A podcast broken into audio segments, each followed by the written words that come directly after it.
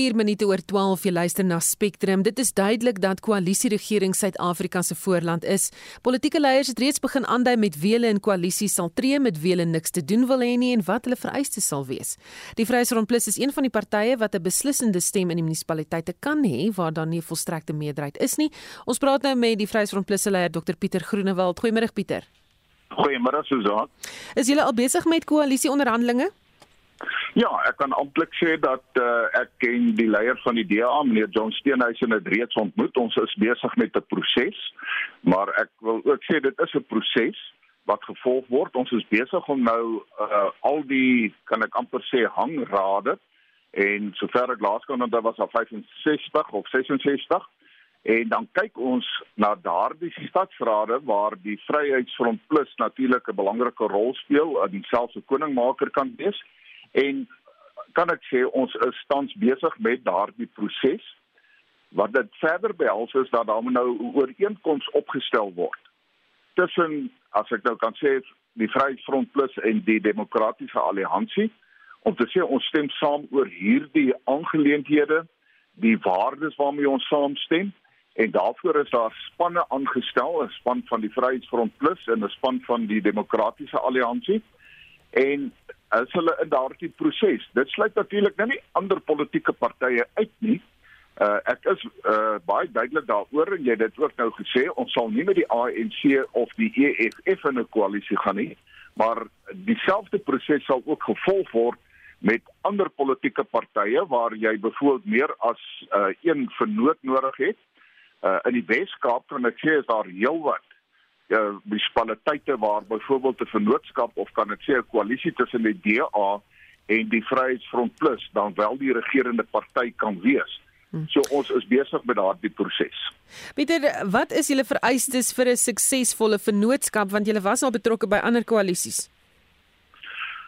Dit is 'n vereiste om te sê dat as ons hierdie koalisie sluit, dan moet ons verseker dat dit 'n stabiele koalisie is in die eerste plek, want dit moet 'n voorbeeld uh, wees vir byvoorbeeld die 2024 verkiesing. Ek is van mening dat ons in 2024 die ANC kan klop met 'n koalisie van oppositiepartye en daardie stabiliteit kan gevestig word byvoorbeeld deur hierdie ooreenkoms wat bepaal dat as daar meningsverskille is dat daar 'n spesifieke dispuutmeganisme is om dit uit te stryk om te verseker dat daar sekere aspekte is soos byvoorbeeld dat meriete die kriteria is vir persone om aangestel te word dat uh, swart ekonomiese bemagtiging nie dat, dat dan sal geld nie dat ons 'n behoorlike audit sal doen om seker te maak dat mense gekwalifiseer is om hulle werk kan doen en dat hulle nie misbruik word vir kaderontplooiing soos wat dit was nie. So dit is enkele aspekte, daar's heelwat ander ook En dan wil ek sê dat as daardie ooreenkoms bereik is, dan sal dit in die openbaar gepubliseer word, spesifiek ook vir daardie spesifieke munisipaliteite sodat die kiesers kan sien. Dit is waaroor daar ooreengekom is tussen die koalisie vennote en dan sê ek moet die kiesers ook kyk daarna. En as dit nie na wense gaan nie, moet hulle dit sê want ons moet net eenvoudig 'n uh, drastiese ingrype kry by plaaslike regering om die verval te stop en ons sal moet werklik saamwerk om dit te kan regkry. Pieter net 'n laaste vraag, wat het julle geleer uit ander koalisies? Wat gaan julle hierdie keer definitief anders doen?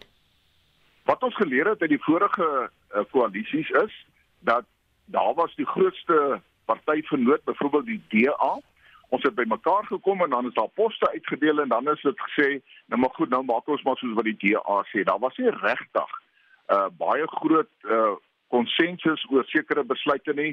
Daar was na my mening 'n behoorlike ooreenkoms opgestel nie. Daar was nie 'n behoorlike dispuutproses om dit op te klaar nie. Daardie aspekte het ons geleer sal ons moet uh, regstel en ek kan bevestig dat ek en uh, meneer John Steen hy stem saam met dit wat ek sopas gesê het wat hy gesê dat ons moet daardie eh, meganismes daar hê om daardie stabiliteit te kan verseker en dit is wat ons daaruit geleer het. Dit gaan nie net hier oor poste nie, dit gaan ook om te verseker dat ons die regte mense in sekere poste het om die werk te kan doen. Baie dankie. Dit was die leier van die Vryheidsfront Plus, Dr Pieter Groenewald. Nou iemand wat die verkiesing ook baie nou gevolg het, dis die dekaan vir Geesteswetenskappe by Akademia, professor Pieter Dievenage. Ons praat nou met hom. Goeiemôre Pieter. Goeiemôre Susan. Wat was jou indrukke van die verkiesing? Het al jou voorspellings waar geword? ja, kyk, 'n politieke kommentator of interpreteerder gaan vir jou sê ja, alles het waar geword, maar nee. Kyk, wie van ons is nou 'n masjien en ons is menslik, ons gee ons interpretasies. Ek moet sê ek ek was daarom so as ek myself punt moet gee, so 75%, 80% Nicole. En uh, nou moet die koalisies gevorm word. Uh hoe suksesvol kan dit wees as ons kyk na wat voorheen gebeur het in metro's en munisipaliteite? Kyk dit is ons dit is die groot woord nou in ons midde nê die van koalisie en ek het ook nou baie uh, fyn geluister na Dr Pieter Groenewald jy weet Ehm um, kyk ons ervaring is Susan, dit was nie 'n goeie ervaring nie, net van koalisies. En daar's veral twee stede wat uitstaan, behalwe nou natuurlik die munisipale rade. Jy weet daar was probleme in die Karoo, ehm um, jy weet ek dink 'n dorp soos Beaufort Wes wat mens dis so 'n pragtige dorp daar, jy weet as jy afry kus toe in die in die Desember en dit het nie goed daar gegaan nie, maar ek wil net vir 'n oomblik sê As jy kyk na die twee metro's hier in die noorde, jy weet Tshwane, Pretoria en Johannesburg, dit het nie goed daar gegaan nie want dit was 'n koalisie tussen die EFF en die DA.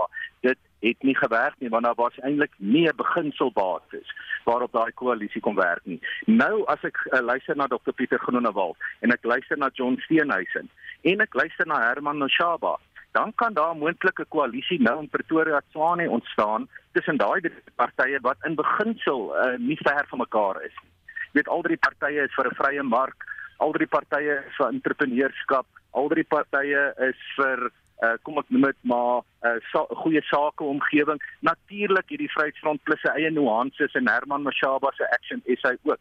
Maar ek kan sien dat koalisie uit daai drie partye byvoorbeeld in 'n stad soos Pretoria kan werk.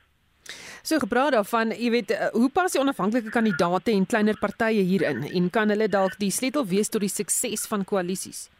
Weet jy wat my opgewonde maak? Is die onafhanklike kandidaate uh veral op die platte land. Jy weet in jou kleiner munisipaliteite, want daardie mense kom werklik uit die gemeenskap uit en ek dink hulle gaan nou nie by die metro's nie. Kyk by die metro's het ons nou, jy weet al ag sommige van die metro's, jy weet Buffalo City is in die hande van uh die uh, ANC en Kaapstad in die hande van die DA, maar die ander 6 metro's gaan almal forme van koalisie tussen groot partye wees. Kom ons sê maar die eerste 5, 6 partye uh landwyd. Maar in die munisipaliteite en dis jou vraag, daar's onafhanklike kandidaate. Daar's burgerlike organisasies wat gestaan het en ek hoop dat baie kreatiewe koalisies op die platte land en in die jy weet in die in die minder stedelike gebiede tot stand kan kom wat en die en die mense wat daar verkies is kom uit die gemeenskap. Ek het dit so mooi gehoor gisteraand eers dat iemand het op nuus gesê, ehm um, maar die persoon woon in sy wijk. Hy's nie van eers uh, jy weet met 'n valskerm ingevlieg om die mense van daai wijk te te te stuur of uh, hulle verteenwoordiger te wees nie. Daai persoon kom uit daai wijk, hy woon in daai wijk, hy of sy en sal dan daai wijk op die ehm um, munisipale raad ehm um, jy weet verteenwoordig. Wat dink jy is die ANC se toekoms nou na die verkiesing? Ek is geneig uh, om met Dirk Coetzee saam te stem en ook ander kommentators dat ek dink die ANC gaan die kreefte gang en daarmee bedoel ek ek sien eenvoudig dat die ANC nog weer by 2024 by die provinsiale en die nasionale verkiesing nog minder gaan kry as die net net 46% wat dit nou gekry het. Ek dink dis 'n party in 'n afgang Uh dis 'n party wat in 'n sekere sin gaan verder verbrokkel. Dis 'n party wat intern enorm verdeeld is en in 'n sekere sin dink ek uh president Ramaphosa met al sy vernuf probeer 'n sinkende skip drywend hou. Die verkiesingskommissie het gister aan die verkiesing as vry en regverdig verklaar. Dink jy dit was vry en regverdig? Ek is van mening dit was vry en regverdig. Ek steek 'n bietjie my nek uit. Want weet daar was kommentators baie negatief oor die OVK. Daar was ook partye. Kom ek sê vir jou hoekom is ek positief? Ehm uh, positief, eh uh, daar was die verslag van die uh, eh, RGN wat 'n wetenskaplike verslag was. Ek was by daai perskonferensie, né? Nee? Dit aan die een kant. Aan die ander kant, wil ek net een oomblik sê dat die OVK is nou absoluut, jy weet, ehm um, heilig nie.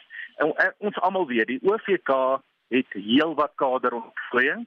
Ons weet die OVK lei aan bestuurs ehm um, probleme want daar's ook ehm um, begrotings wat gesny is FK maar ek dink op die keer beskou ehm um, Susan as ek na alles kyk voor my as ek dit op 'n weegskaal sit dan dink ek die OVK het met al sy beperkings uiteindelik daarin geslaag om vir ons nie net 'n uh, 'n vrye en 'n vredesame regering te, te of 'n geregverdige uh uh um wetverkiesing te gee nie, maar ook 'n vredesame een. Kan ons nie dankbaar wees as Suid-Afrikaners daaroor dat hierdie verkiesing het tot 'n groot mate vredesaam verloop? Nou wil ek net 'n voetnota bylaat. Mense wat probleme het met die OVK, hulle moet natuurlik howe toe gaan of hulle moet dit eers gaan aanmeld of na die kieshof toe gaan of wat ook al. Hulle het daardie ruimte. Baie dankie. Dit was die dekaan vir Geesteswetenskappe by Akademia Professor Pieter Dievenage. Die DA het die afgelope week geskiedenis gemaak toe hy sy eerste munisipaliteit in KwaZulu-Natal ingepalem het in die plaaslike regeringsverkiesing. Die omgewing munisipaliteit sluit in dorpe soos Howick en Hilton. Die politieke ontleder, Richard Meisner van Unisa sê een van die grootste kwessies wat die DA dringend gaan aan aandag moet skee of gee eerder is die waterkrisis. Die rivier ontspring in daardie plaaslike munisipaliteit en die rivier is 'n baie belangrike rivier vir watervoorsiening aan Suid-Afrika se tweede grootste ekonomiese verskaf water aan plekke soos Howick, Pietermaritzburg en dan ook natuurlik Durban. En enigiets wat in die Umgeni opvanggebied en daai doellope van die Umgeni opvanggebied gebeur, jy weet, het natuurlik 'n invloed verder stroom af na na eThekwini se kant toe. Dit is interessant genoeg die Midmar dam waar die Midmar mile geswem word, sit in die plaaslike munisipaliteit en daar was al gevalle gewees van jy weet riool wat in die dam invloei en 'n klompie jare terug was daar selfs sprake dat die Midmar Mile afgelas gaan word as gevolg van 'n te hoë E. coli telling in die water. Dit gaan nie net oor Midmar Dam nie, dit gaan ook verder stroom af alhoewel Midmar Dam die Pietermaritzburg en Durban van water voorsien. So daai munisipaliteit is is vanuit 'n kom ons noem dit nou maar 'n uh, plaaslike geowaterpolitiese perspektief. Dit is 'n baie belangrike munisipaliteit of gebied waar die omgewing ontspring en enigiets wat daar in die boelope gebeur het soos ek sê jy weet 'n invloed op die gemeenskappe ja. in om Pietermaritzburg en eThekwini en ook weens besoedeling in die Umgeni rivier wat in 'n haaglike toestand is. Ek het vanoggend met Jean Taylor daaroor gepraat en hy sê dit is 'n haaglike toestand het nie net jy weet in die rivier self en vir die gemeenskappe wat afhanklik is van die rivier het dit 'n impak nie. Dit het ook tot in die see het dit het het dit 'n impak en kan jy weet toerisme bedryf van Durban nadelig beïnvloed. Daar was al gevalle so klompie jare terug wat ek by 'n uh, munisipale amptenaar in eThekwini uit my vertel dat selfs die kwaliteiten kan redelik hoog wees in die see jy weet onmiddellik dat die omgewing in die see invloei en daar was al selfs jy weet die kolie in die sand op die strande opgetel en dat mense jy weet diarree kan ontwikkel En dit was die politieke ontleder Richard Meisner van Unisa.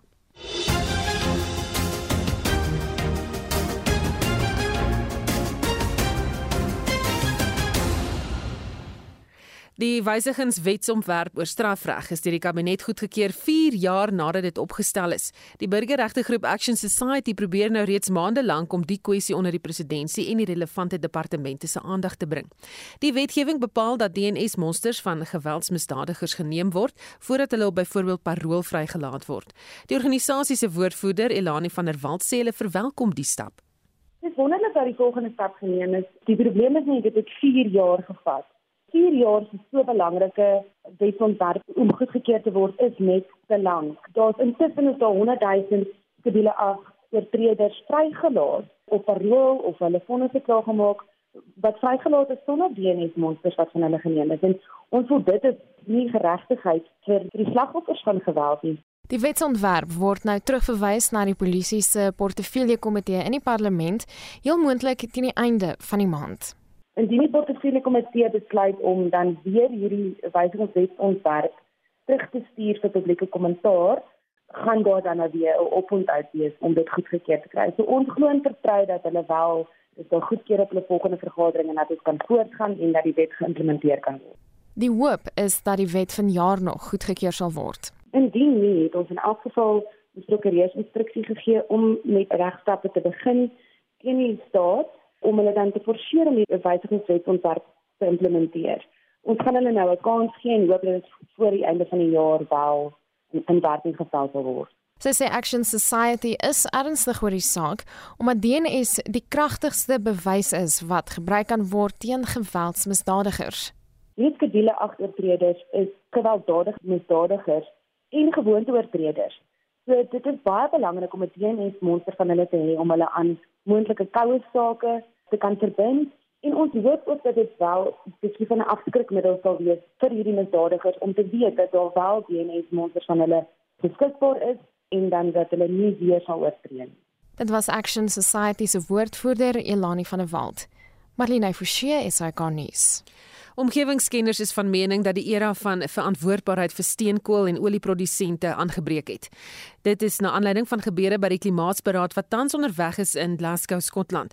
'n Ekoloog van Universiteit Stellenbosch, professor Guy Midgley sê dat selfs die wat sê dat die einde van die gebruik van steenkool insig is, dit na nog lande by die beraad ondernemings onderteken het om van steenkoolenergie af weg te beweeg. But not only that, we've had uh, really significant steps forward on deforestation. With several countries signing up both to reduce deforestation and to reduce the demand for the products of deforestation. So both ends of the supply and demand chain. And we've also seen statements on reducing methane emissions, which also have a lot of promise for short-term benefits to the climate system. A lot of money being put on the table to help accelerate these steps in developing, so-called developing countries. So I think there's a lot, a lot of promise in the air, much more than many other COPs uh, in many ways. And for probably one of the first times, the modelers are telling us that, for example, India's pledge to come to carbon neutral by 2070, plus all of these other efforts, could well now take us below two degrees by 2050. So that's, uh, I think that's a first. Ontbossing en die verwoesting van woude is ook hoog op die agenda by die beraad. Midgley sê hy hoop al die lande wat hierby betrokke is se politieke leiers koop in op die ooreenkomste. It is and of course Jair Bolsonaro is not at the talks. So we hope that he's on board with this idea. You know, clearly protecting the ecosystems that are currently in fact absorbing about 50% of our emissions uh, just uh, passively is enormously important. So the deforestation idea is phenomenally important. There's huge risk in it. By saying that you want to stop deforestation by 2030, you could spark off a real splurge in efforts to make the most of the last five years. So this is not without risks, of course, and uh, would have to be very, very carefully put together. But I think in general, there's a lot of very, very positive steps, and if we can keep the political the political will there and enhance the political will and juice it up with financial support, we could be on a good track. Mitchell sê alles gaan oor rand en sent en as die boeke klop sal steenkool uitgefaseer word. Yeah, if you look at the cost curves, go and watch a watch somebody like uh, Tony Sieber who's got some great YouTube videos on uh, on disruptive technologies and particularly on renewable energy. If you look at the cost curve of renewable energy, we're now in a situation where it's a no-brainer to uh, to abandon very expensive uh, lumbering, slow coal uh, systems, which are you know which take ages to decommission or, or, or, or, switch off and then switch on again if you want to have some flexibility in your in your grid. Renewables give you a, a grid that's very responsive. Um, batteries can be flipped on and off uh, in a matter of, of seconds. They don't tend to explode very often or burn. And, um, you know, they, of course, then avoid a massive amount of environmental damage, pollution, and health costs from, uh, from burning this dirty fuel. So just the cost curve alone uh, is, is going to do it for us. But then all these additional benefits, um, plus the climate benefits, it, it makes it an incredibly compelling case. En dit was professor Guy Mitchley, ekoloog van Universiteit Stellenbosch. Skole en paaie is in Beijing gesluit nadat 'n dik rookwolk oor dele van die stad gehang het vroeër vandag. China het sy steenkoolproduksie drasties vermeerder en loop deur onder kritiek by die Klimaatsberaad in Skotland daaroor. China is een van die wêreld se grootste besoedelaars en het sy steenkoolproduksie vermeerder na rekordpryse vir brandstof en streng koolstofdioksiedvrystelling teikens wat ingestel kan word. Die land loop ook deur onder 'n kragtekort wat vroeër maatskappye genoop het om hulle deure te sluit en daarom die verhoogde gebruik van steenkool.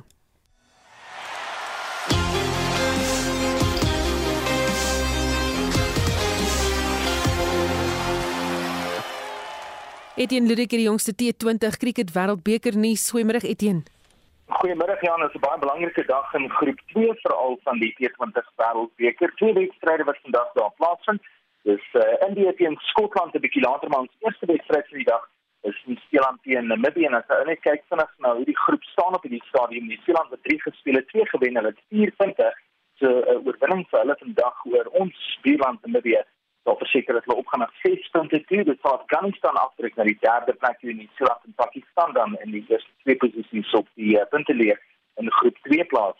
As ons kyk uh, Namibië wat die lood gewen het, hulle het besluit om eerste te bou en uh, aanvanklik nie die beste besluit gewees nie want die Suid wat in 'n goeie loopie tempo begin kolf het en dit was Martin Gatto saam met sy kolfgenoot uh, Daryl Mitchell wat die uh, beurt geopen het. Hulle het uh, baie goed gevaar totdat Martin Gatto weer David Wisse teruggestuur is van Wimpie vir 18 van 18 balle af. Daryl Mitchell het lank daarna gevolg die 19 van 15 aangeteken voordat hy uh, die slagoffer geword het van Bernard Scholes en uh, die balkies wat gekantel het in die vyfde beurt en die sewende beurt. Gatto uh, se balkie val op 30 en Mitchell se balkie oomlikke gelede met die telling op 43 die jongste beskikbare telling is 46 vir die verlies van 2 nou as New Zealand teen die huidige loopie tempo voorkom dan moet hy oor die 120 lopies wees 124 teen die einde van hulle 20 beurte ons almal weet waar hulle in staat is. So mense kan kyk gerus na ten minste 8 lopies per balbeer vir wie in die laaste 5 beurte begin lostrek en dan kan hulle enigiets van 150 lopies af uh, begin aanteken. Maar baie belangrike wedstryd vir New Zealand hulle moet hom wen Namibië aan die ander kant want onderaan die groep is dit net uh, die enkele oorwinning om uh, mee te spog se uh, feitelik uit die cricket uh, die T20 cricket wêreldbeker uit so die wedstryd van groot New Zealand en Namibië speel eintlik maar net vir trots later vanmiddag sal Skotland ook net speel en India wat uh, op soek is na 'n tweede oorwinning in die T20 wêreldbeker Daar oorwinning sal hulle dan die derde plek plaas en uh, nog geen kwalifiserende posisie nie. In groep 2 met Pakistan wat tot die verseker is van half eindronde wedstryd. Dan is die jongste beskikbare telling in Sharjah 46 vir die van 2 die Seeland wat eerste golf teen Namibië daarmee terug na die afleer. En dit was Edien Ludik met die jongste T20 cricket wêreldbeker nuus.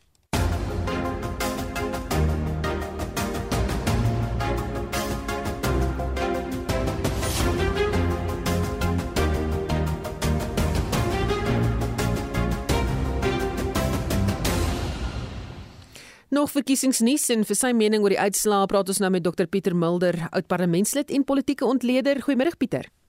Goeiemôre Susan. So wat's jou oorhoofse indrukke van die verkiesing en die uitslae? Susan, daar's baie om te praat. Ek weet die tyd is min. Kom ek sê 'n paar breë gedagtes. Nommer 1, ek dink regtig hierdie was 'n ingrypend belangrike verkiesing. En ek dink dit is die eerste verkiesing sedert 1994 waar ons geslaag het om die normale stempatrone wat eintlik 'n ANC oorheersing was te begin breek. Met ander woorde, gedagte van een party tektuur reg te beweeg na veelparty demokrasie. En daarom sê ek dit lei regtig vir my 'n nuwe politieke magsverdeling en dit maak my positief want is die ANC nog in beheer van baie. Want nou in die politiek moet mens meestal kies as my ervaring tussen sleg en slegter. Nou baie mense hou nie van koalisies nie, hou nie van die proporsionele stelsels nie. Hulle wil stabiliteit hê met een sterk party. Maar dis nie die beste vir Suid-Afrika met ons ingewikkelde stelsel nie. So in 1994 was dit die debat geweest by die onderhandeling gaan ons vir 'n eenvoudige meerderheidsstelsel, het sy in pastasiestraatslag op nasionaal of vir proporsioneel. Kom ek vat net 'n stoute voorbeeld. Sê maar ons vat nou die uitslae so hier is asof dit 'n kiesafdelingsstelsel was. Die ANC het 142 gekry. Rade wat alleen gaan regeer. Die DA het 11 rade en IFP 9 het alleen. As dit nou kiesafdelings was, het die ANC nou 86% in die parlement gewees. Nou dit is absurd teenoor 8% vir die DA. Dis wat 'n een party eenvoudige kiesstelsel maak proporsioneel breek die mag van een sterk party soos die ANC, maar tot nou het dit nie gewerk nie om die ANC se goed vaar. en nou forceer dit vir eerste keer kom koalisiepolitiek na vore. Ek het dit van 94 af voorspel. Dit nie gerealiseer nie. Hulle is uiteindelik onder 50%, 46% en dit kan die oplossing wees. Ek weet daar's kritiek om te sê koalisies is nie stabiel nie. Maar dan moet ek net dan by sê, onthou die koalisies wat ons as voorbeelde het, soos Pretoria, Johannesburg, uiteindelik Johannesburg, was nie regtig koalisies en meerderheid koalisie nie. Dit was eintlik minderheidsregerings wat die koalisie nie 50% gehad het nie. Die EFF moes die laaste eentjie kom en dit het hom rondgegooi as meneer Steenhuisen nou, nou sê dat hy stabiele koalisies verkies en nie weer in 'n minderheidsregering ingaan nie, kan mens voorbeelde daarvan kry. Vat my Hessequa in Kaap, is 'n koalisie tussen die DA en die Vryheidsfront wat stabiel was en vir 5 jaar regeer het en ek dink dis die pad vorentoe. Wat sê hierdie uitslae van ons demokrasie? Wel dit sê dat uh, mense die ANC gestraf in 'n mate, maar dit is hoofsaaklik sy eie kiesers. Baie mense het vir my gevra kommentators het die ANC geskeur dan sê ek nee, hulle het nie geskeur nie. Uh Zuma en hy het nog steeds gesê uh stem asseblief ANC en dan Zuma en Zulu bygevoeg sodat ons kan sterker word om die leiers uit te gooi uiteindelik by volgende jaar se verkiesings in 2000 Desember as hulle intern kies. So die ANC se geveg is nog aan die gang en de groot mate is dit deel van die ding. As ek moet eerlik wees, die DA het eerder in Gauteng geskeur as mens so gaan kyk want Mashaba het weggebreek van die DA af en hulle hart geslaan daarmee saam. So ons begin al die dinge kry, maar ek begin nie die gedagte kry dat partye soos Action South Africa, eh uh, Freedom Plus, die PA het beduidend gegroei onder dieselfde omstandighede waaronder die ANC en die DA wel agteruit gevolg het. Die ANC omtrent 10%, die DA van 27 na 21, uh, wat beteken ons gaan meer en meer na veel partye toe, al meer weg van twee dominante partye dan kan ons in 'n koalisie erwêreld in wat eintlik die droom is vir Suid-Afrika om geregtig te balanseer dat een nie kan domineer nie. Ja. Dink jy die ANC het nou geskrik? Dink jy hulle gaan nou 'n daadwerklike poging aanwend om steen terug te wen? Hulle gaan dit aanwend. Onthou hulle is nou geskrik. Hulle alles onder 50%. As dit die uitslag sal wees in die volgende verkiesing, dan is hulle in die moeilikheid. Jy kan net vir 'n oomblik dink, as al die kiesers wat weggebly het van die ANC kiesers vir oppositiepartye gestem het, dan was dit 'n totaal ander prentjie al klaar. Maar as jy mooi gaan kyk na die stempersentasies, was dit hoofsaaklik in die ANC-wyke waar die stempersentasies baie laag was uiteindelik. So hulle mense het hulle gestraf deur nie te gaan stem nie. Nie vir 'n ander party te stem nie. Dis wanneer die wegspeers nie party is, dis jy's nog lojaal, maar jy straf hom deur nie deel te neem daarmee saam nie. En die ANC sal nou moet probeer om hulle terug te kry en dit gaan in 2024 die groot geveg wees. Hoe kry ek hulle terug? En ek wil nie onnodig voorspellings maak nie, maar ek dink hy gaan onmiddellik na bangmaak taktiek toe gaan en sê jong, As jy nie stem nie, kom die oppositiepartye in beheer. Hulle gaan apartheid terugbring, hulle gaan julle toelae wegvat. Ek kan so tipe bangmak taktiek gebruik. Maar ek dink die ANC gaan slag om weer al die provinsies te kan wen behalwe Wes-Kaap nie. Hy sonder twyfel van die provinsies in die moeilikheid as hy nie landwyd in die moeilikheid is in 2024 nie en wat nou belangrik is, die ander partye, oppositiepartye, moet nou bewys dat koalisies kan werk hulle stabiel kan wees, dat hulle in belang van mense kan optree en dat die patroon moet wees by 2024. En dan mag mens meer mense vertrou daarin om te sê kom ons probeer dit by die ANC onder 50 en hooplik kom ons uit die magsgreep van die ANC wat ons vir hoeveel jaar op bevoet het ja. En sê vir my onafhanklike kandidaate, wat dink jy van hulle? Ek weet die media is baie opgewonde en die kommentators opgewonde oor onafhanklikes. Ek is ongelukkig nie. En ek sê hoekom? Die stelsel leen hom nie tot onafhanklikes nie. Al probeer jy hom van oopmaak. Jy weet in hierdie stelsel was daar 1500 wat nou robbe getal onafhanklikes wat gestaan het. My somme sê omtrent 51 is verkies maar, dis 3%. En hulle is meestal by die verkiesers was nie regtig onafhanklik nie. Vat nou in Cederberg, is daar 'n Cederberg eerste groepering. Dis eintlik 'n plaaslike party. Hulle is geregistreer as 'n party. Dit beteken hulle kry stemme uit die wijk, maar ook proporsioneel en dan kan jy verkies word. Die National die National Independent Movement. Dit is ook eintlik 'n gemeenskaplike plaaslike party. Nou die klein partytjies gaan nie werklik op nasionale vlak 'n rol speel nie. Die ander kandidaate was 'n enkele onafhanklike kandidaat wat op sy eie gestaan het, almal ken hom. Omdat hy net in die wijk kan staan, hy kan nie proporsioneel stemme kry nie, het bitter min van hulle dit regte gemaak en met 'n groot verkiesing nasionaal as onafhanklike 50000 stemme te kry, gaan baie moeilik wees. So ek se bevrees, ek sien nie 'n groot toekoms vir hulle vorentoe nie. Baie dankie. Dit was oud parlementslid en politieke ontleder Dr Pieter Mulder. Die Weskaapse Departement van Plaaslike Regering het die proses om nuwe rade na die verkiesing te vorm begin. 'n Hulpkantoor is boonop opgerig om raadslede by te staan met verskeie komplekse regsaspekte. Vir meer hieroor praat ons nou met die woordvoerder van die Weskaapse Minister van Plaaslike Regering, James Brent Stein. Goeiemôre James. Susan, hallo, gaan dit met jou? Jong, lekker verkiesing gehou. Ons praat nog steeds verkiesingssake. Dinge gaan nou Ah, eers warm word. Lekker. Maar sê vir my, Ja. hoekom is dit belangrik om die oorgangsfase ordentlik te bestuur? Want ons wil seker maak dat daar eh, dat dat dat dienste nie uh, in die wiele gery word nie. So jy wil seker maak dat dit 'n uh, vinnige, vreedsame, maklike oorgangsperiode is. Daar's rade, verskeie rade wat uh, waar ander partye nou weer uh, die meerderheid het uh, of waar koalisies gevorm moet word. En ons wil seker maak dat uh, dat jy weet dat dat dat die dat die proses net glad verloop sonder enige hiccups. En jy het 'n hulpkantoor opgerig om raadslede met komplekse regskwessies by te staan. Hoe presies gaan dit werk? Ja, dit is maar altyd nuwe ding. Kyk, ek ek altyd 'n klomp nuwe raadslede wat inkom, mense wat nie tevore al was nie, weet nie weet hoe die proses werk nie, wat nie noodwendig die plaaslike regeringswetgewing vereistes weet verstaan nie. Daai eerste vergadering vir elke nuwe raad uh, is van van kardinale belang. Dis waar jou uh, burgemeesters aangestel aangewys word en verkies word deur die verkose raadslede. Dis waar jou speaker gekies word. Dis die speaker is die eerste persoon wat gekies word in die nuwe raad. Daai eerste vergaderings word natuurlik gehou deur die munisipale bestuurders wat reeds wat steeds in plek is uh waar so en ons as provinsiale departement ons stuur senior amptenare na elkeen van hierdie eerste vergaderings toe net om by te staan ondersteuning te bied oorsig te hou um, om jy weet te kyk dat die proses verloop soos wat dit moet. Uh, sodra daardie speaker aangestel word in in die eerste vergadering dan uh, lei en neem daardie speaker die proses verder.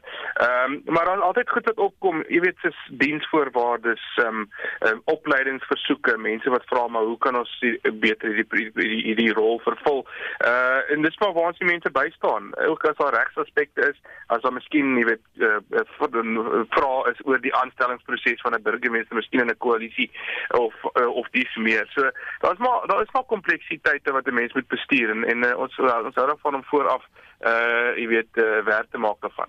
Voorsien julle enige probleme in hierdie oorgangsfase? Ag nee op die oomblik nie. Ek dink eh uh, die die die verkiesing het baie glad afgeloop. Ons is baie dankbaar daarvoor en ons hoop dat eh uh, van die van die rade gaan kompleks wees. Ek dink om aan mekaar te stel. Daar is eh uh, enkele rade wat jy weet 6, 7, 8 partye is wat gaan met saam staan en 'n en 'n en 'n 'n nuwe bestuur eh uh, uh, verkies. En en ons hoop net dat hulle sal in die belang van die gemeenskappe optree en dit eh uh, en verstaan dat daar is reëls wat uh, toegepas moet word. So met ander woorde, plaaslike regerings het 14 dae vanaf die verkiesing uh, verklaar was. Ek dink dit was gisteraand, 14 kalenderdae. Daarna word die distriksrade het nog 14 dae, so daar's enkele reëls wat daar is vir 'n rede en maar ons ons vertrou dat die nuwe raadslede sal optree in die belange van die gemeenskappe en dis tog die belangrikste uh, rede hoekom hulle verkies is. En ons ons is daar om hulle te help en by te staan. Baie dankie, dit was die woordvoerder van die Wes-Kaapse minister van plaaslike regering James Brentstein.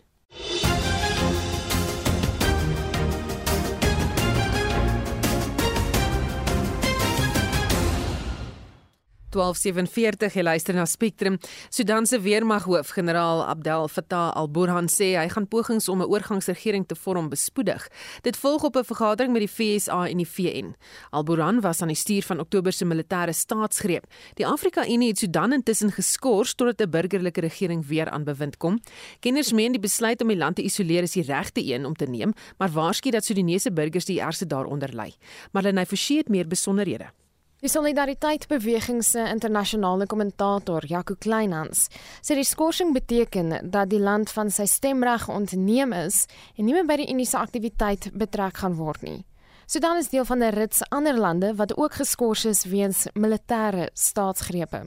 Sudan is 'n baie belangrike ekonomiese rolspeler weens sy natuurlike hulpbronne in Noord-Oos-Afrika en dis 'n baie belangrike gebeurtenis as byvoorbeeld dit wat in Mali of in Guinea gebeur het wat twee verseker minder belangrike lande is. Sudan was vir die res van die wêreld meer belangrik geweest. Sudan is geografies gesproke die derde grootste land in Afrika en die hoop was destyds om 'n demokrasie hier te vestig om stabiliteit in die streek te bevorder.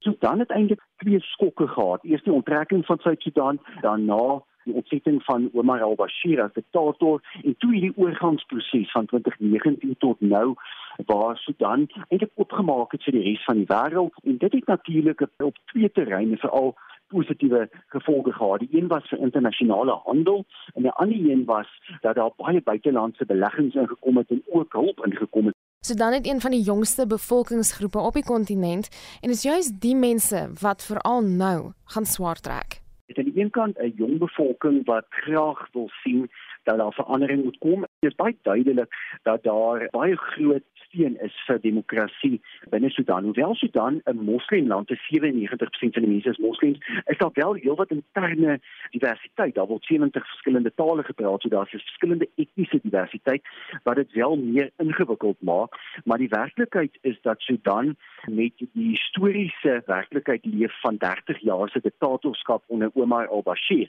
en die oorgrootste meerderheid van mense in Sudan wil nie weer terugkeer na 'n soort van militêre diktatorskap soos wat hulle beleef het nie. Hy sê die militêre staatsgreep gaan boonop kwessies soos werkloosheid en armoede vererger die werk wat gedoen is rondom armoedeverligting, mediese sorg en so aan. Dit alles het 'n bietjie tot stilstand gekom soos wat ons beleef het nadat die Taliban in Afghanistan oorgeneem het. Die isolasie van Sudan is die korrekte stap deur byvoorbeeld die Afrika Unie en westerse lande, maar dit het natuurlik baie negatiewe gevolge en 'n mens moet ook nie die oog verloor dat binnelandse konflik selfs moontlik is nie. Hoe lank dink jy gaan dit die weste neem voordat hulle ongeduldig raak of moeg raak daarvoor om soveel hulpbronne te stort net om dit te verloor op die ou einde van die dag. Daar's eintlik in die weste reeds 'n hoë vlak van frustrasie wat besig is om op te bou rondom humanitêre werk. Daar sal moet gekyk word na nuwe denke oor hoe die weste betrokke raak want westerse lande wil betrokke wees in Afrika,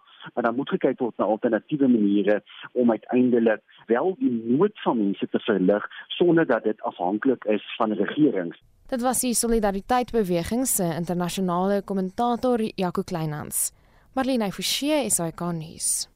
Frans Swart het 'n opsomming van hoogtepunte in die teaterbedryf en begin sommer met goeie nuus. Goeie nuus het hierdie week van die Joburg Theater gekom dat hulle wel voortgaan met die pantomime hierdie jaar, Cinderella. Die pantomime moes verlede jaar uitgestel word as gevolg van die COVID-19 regulasies. Cinderella open op 5 November en speel lekker deur tot 24 Desember. Natuurlik met die meester pantomime maker Janice Honeyman aan die stuur van sake as skrywer en regisseur. Die produksie spog met Desmond Dube en Ben Vos as die lelike susters. Nou ja, ek het beide al in hierdie rolle van die lelike susters gesien en ek moet sê, hulle is spyt as die lelike susters. Bongi Mtombeni as Buttons, Kiruna Linduvar in die rol van Cinderella, Karl Grant as Prince Charming en Dolly Lou as die fairy grandmother. Honeyman sê dat sy baie opgewonde is om vir die eerste keer vir Andrew Tim as produksieontwerper te gebruik. Die verhoog gaan in 'n 21ste eeu skouspel omskep word met driedimensionele grafika en luister hierna, meer as 500 LED skerms. Nog is dit einde net want Tim bring ook hologramme na die verhoog, massiewe rekwisiete, towertegnieke sowel as pyros om veral die jong gehoorlede, maar ook die ouer gehoorlede te beïndruk en weg te tower na 'n wonderland. Ek persoonlik kan nie wag vir Cinderella nie. Groetie Grotman 2 met Wynand van Vollenstee is op toer. Van Vollenstee sê in die moeilike tye van teater moet teater na die mense toegeneem word. Ja, ek dink uh, in hierdie nuwe vreemde wêreld waarin ons bly is toere eintlik die mees gemaklikste ding om te doen om te probeer soveel as moontlik speel en soveel as moontlik plekke te sien. So toere is baie belangrik alhoewel dit 'n ongelooflike uitdaging is, maar dit is ook lekker om terug te gaan en te sê ons kan in 5 dae op 5 verskillende dorpe speel. Die besondere musiekblyspel Shaka Zulu open by die Staatsteater op 19 Oktober en speel tot 14 November. Bekroonde verhoog film en televisieakteur Meshak Mavuso Magabani is die regisseur van hierdie epiese teatermusiekblyspel Shaka Zulu The Gaping Wound. Dit is geskryf deur Bonkani Linda. Tembonkosi Chakwe speel Shaka Zulu en Kanyiso Mbengu speel die rol van Dingaan. Teaters begin so die een na die ander oopmaak en ons is baie dankbaar dat mense begin uitgaan en teaterproduksies bywoon.